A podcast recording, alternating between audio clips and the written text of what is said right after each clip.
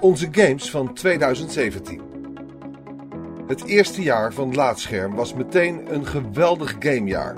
Maar met te veel spellen om te onthouden en nog meer redacteuren was het maken van een toplijst onbegonnen werk. Daarom laten we onze stemmen op een andere manier gelden. Dit zijn onze games van 2017, ingesproken door de redactie. Daniel Verlaan over Horizon Zero Dawn. Zonder in detail te treden was 2017 voor mij een kutjaar. Op de slechtste momenten had ik drank en drugs of mijn PlayStation 4. En hoewel eerstgenoemde op zijn tijd heel leuk kan zijn, was ik vooral blij met de tweede optie. Het hele jaar door speelde ik Horizon Zero Dawn. Ik verkende met Aloy een nieuwe wereld zo prachtig en interessant dat ik die van mijzelf even vergat. Soms duurde dat maar een half uurtje, soms urenlang. Bedankt daarvoor, Gorilla.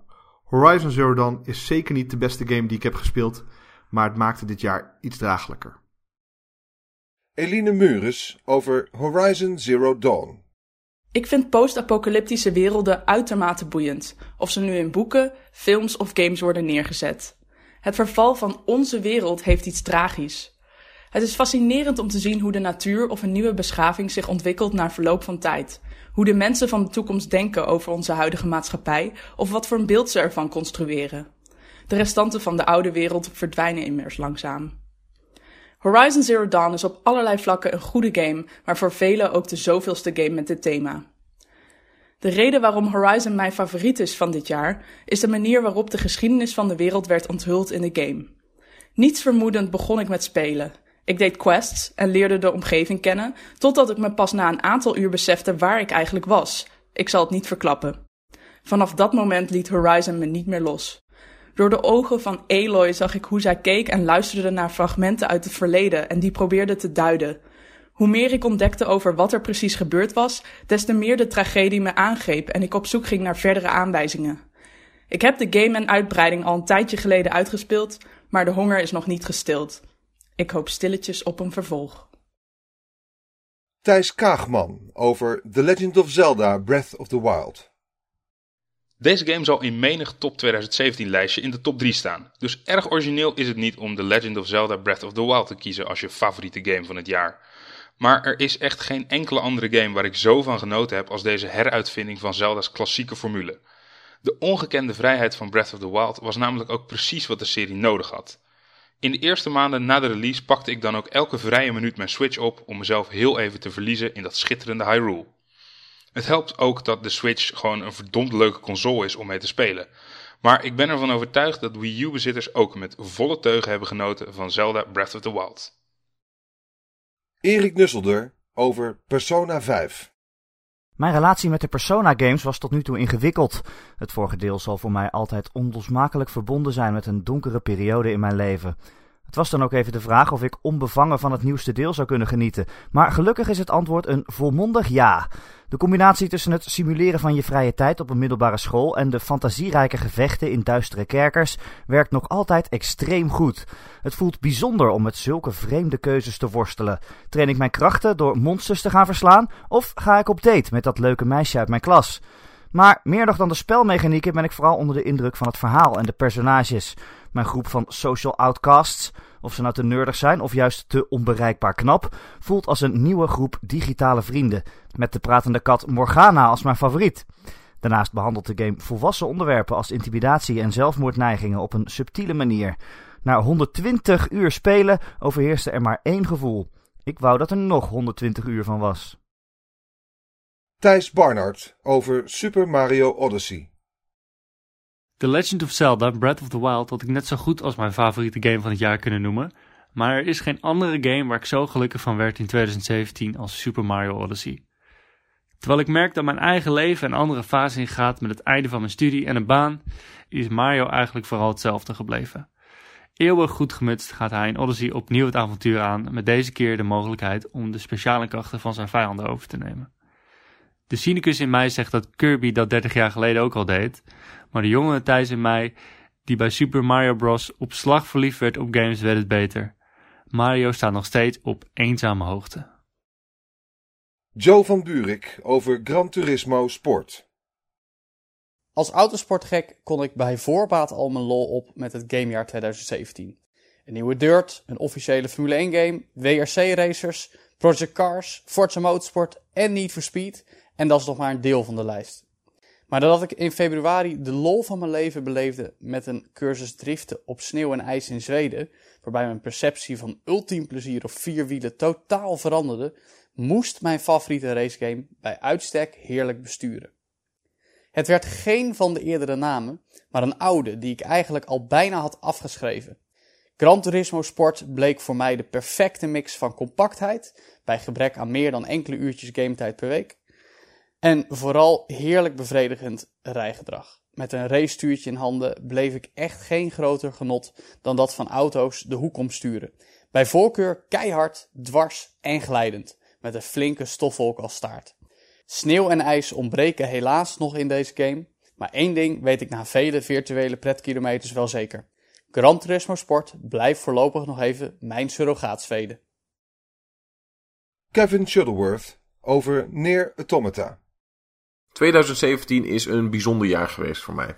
Na een periode waarin ik minder games speelde dan vroeger, nam ik mezelf voor om meer games daadwerkelijk uit te spelen en nieuwe dingen te proberen. Voor een groot deel is dat gelukt. Het belangrijkste spel in het lijstje van games die ik niet zo snel zou spelen is Near Automata. Over het algemeen ben ik niet weg van JRPG's of actiegames van Platinum komaf. Maar Automata had me vanaf de eerste minuut in zijn greep. Het is niet zozeer de game die daar verantwoordelijk voor is, maar een persoon. Deze persoon overtuigde me om een verlaten bol.com goedbon plus 35 euro uit te geven aan een game die mijn notie van verhaalvertelling in videogames op zijn kop zou zetten. En dat is exact wat het deed. Neer Automata heeft me helemaal weggeblazen, maar ik vraag me af of dat ook zou zijn gebeurd als zijn overtuigingskracht en ongekende passie voor de franchise er niet waren geweest. Misschien wel, misschien niet. Uh, boeit niet. Wat ik eruit heb gehaald is uniek voor mij. Van begin tot eind. Van overtuiging tot aankoop tot het lezen van het laatschermverhaal Nier aan mijn hart. De kans dat ik nog een game ga spelen die mij helpt om iemand beter te begrijpen is niet groot. Een bol.com te goedbon plus 35 euro voor een onbetaalbare levensles. Erwin Vogelaar over Player Unknown's Battlegrounds. Dit jaar heb ik waanzinnige tot in de kleinste details afgewerkte games gespeeld. Maar geen game heeft mij zulke goede herinneringen gegeven als een ruwe en incomplete Player Unknown's Battlegrounds. Zodra je met 100 man op een eiland wordt gedumpt om daar los te gaan, is geen enkel potje hetzelfde. De ene keer lig je 10 minuten tussen het graan te wachten. En de andere keer race je met een jeep dwars door de wereld terwijl de kogels om je oren vliegen. Plots ben je als een van de laatste spelers over en roepen drie al overleden teamleden in je oor dat de vijand bij die ene gele boom zit, terwijl er een zee aan gele bomen om je heen groeit. Of je zit met z'n tweeën angstvallig verscholen in een hutje, terwijl andere teams van alle kanten het gebouwtje omver proberen te blazen. PUBG verveelt niet en is ook nu alvast mijn favoriete game van 2018. Marcel Vroegrijk over What Remains of Edith Finch. Ik maak dit jaar meerdere toplijstjes en op de meeste staat Nier Automata bovenaan. Er kan er maar één de winnaar zijn, zei een huisman ooit. Alleen is er volgens mij geen regel tegen meerdere favorieten kiezen. Ik had vroeger ook al twee lievelingskleuren, geel en groen, omdat ik niet steeds teleurgesteld wilde worden. Speelgoed is er altijd wel in het blauw of rood, maar die kleuren hadden mijn twee oudere broers al geclaimd, op grond van toevallig eerder geboren zijn. Daarom koos ik gewoon wat overbleef en werd dat mijn favoriet. Ik zie dat What Remains of Edith Finch nog over is.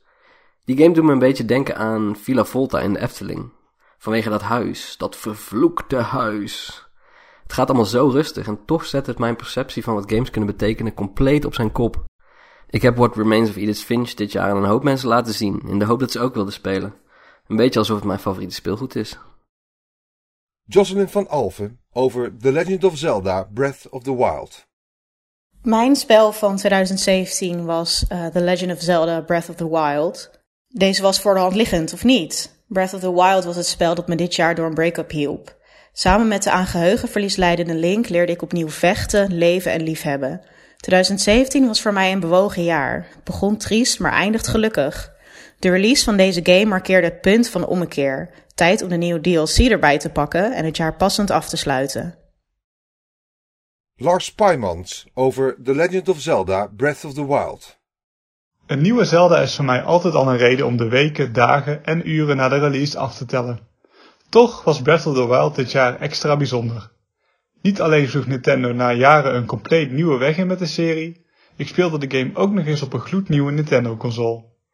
Terwijl Link de uitgestrekte velden van Hyrule verkende, ontdekte ik wat een geweldig apparaat de Switch is.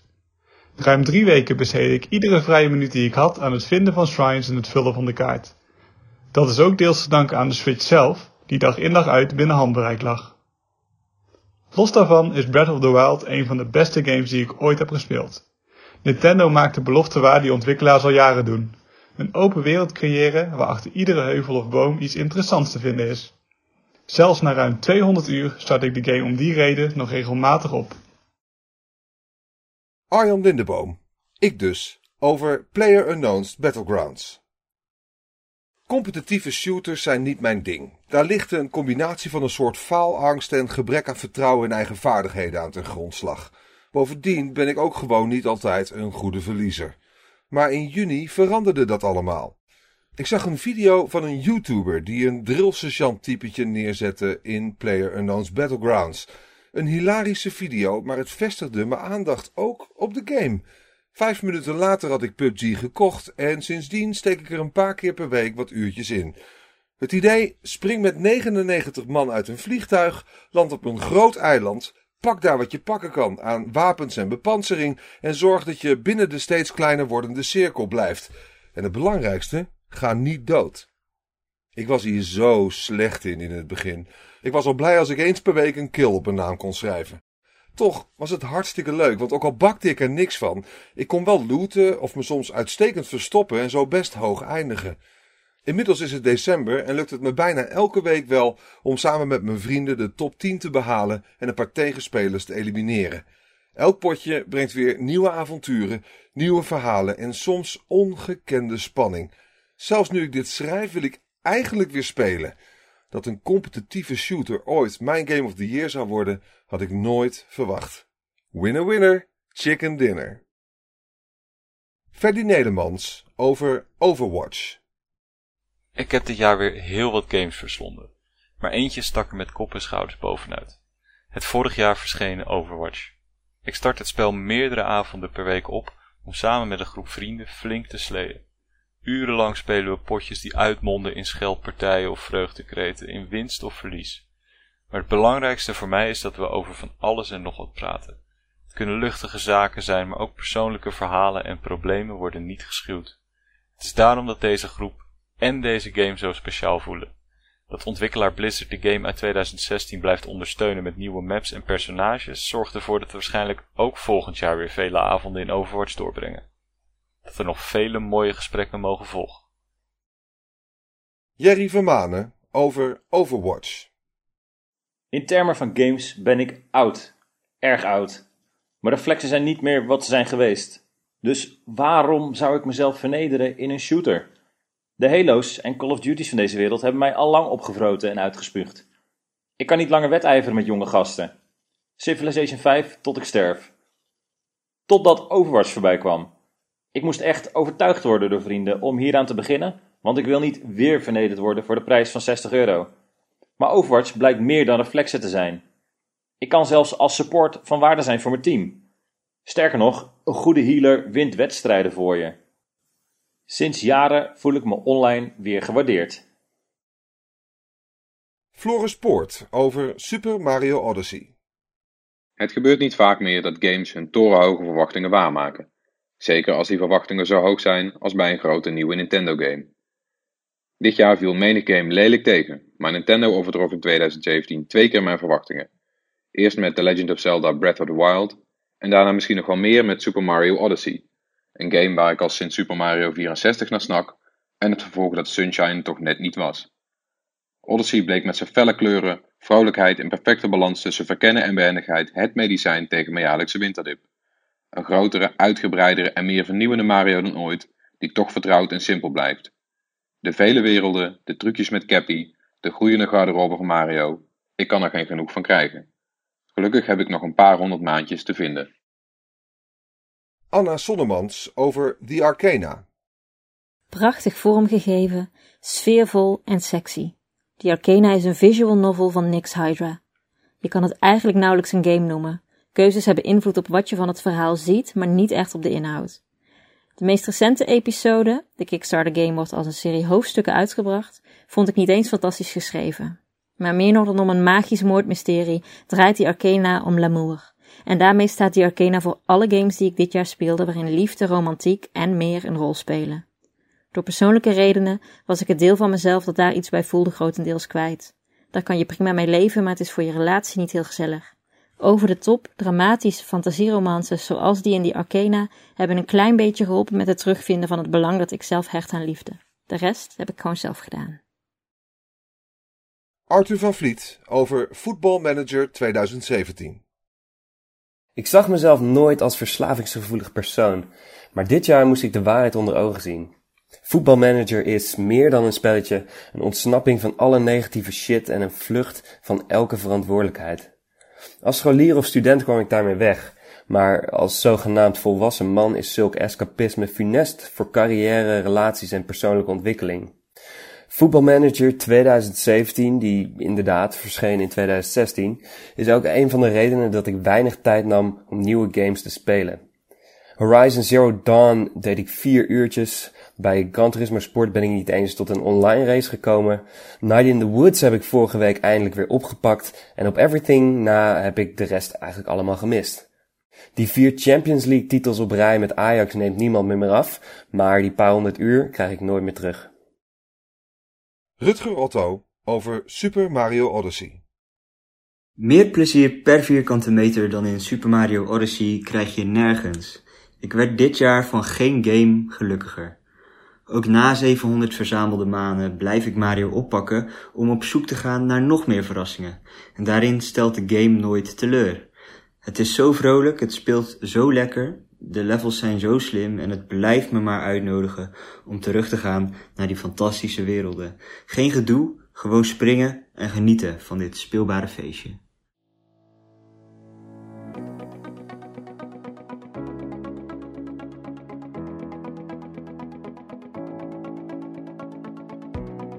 Dankjewel voor het luisteren naar Laatscherm voorgelezen. Als je waardeert wat we hier doen, dan zouden we het leuk vinden als je even een sterrenrating en een recensie achterlaat op Apple Podcasts of de podcastservice van jouw keuze. Abonneer je ook op onze andere podcast, Praatscherm. En ga voor deze en meer verhalen, geschreven of gesproken, naar laatscherm.nl.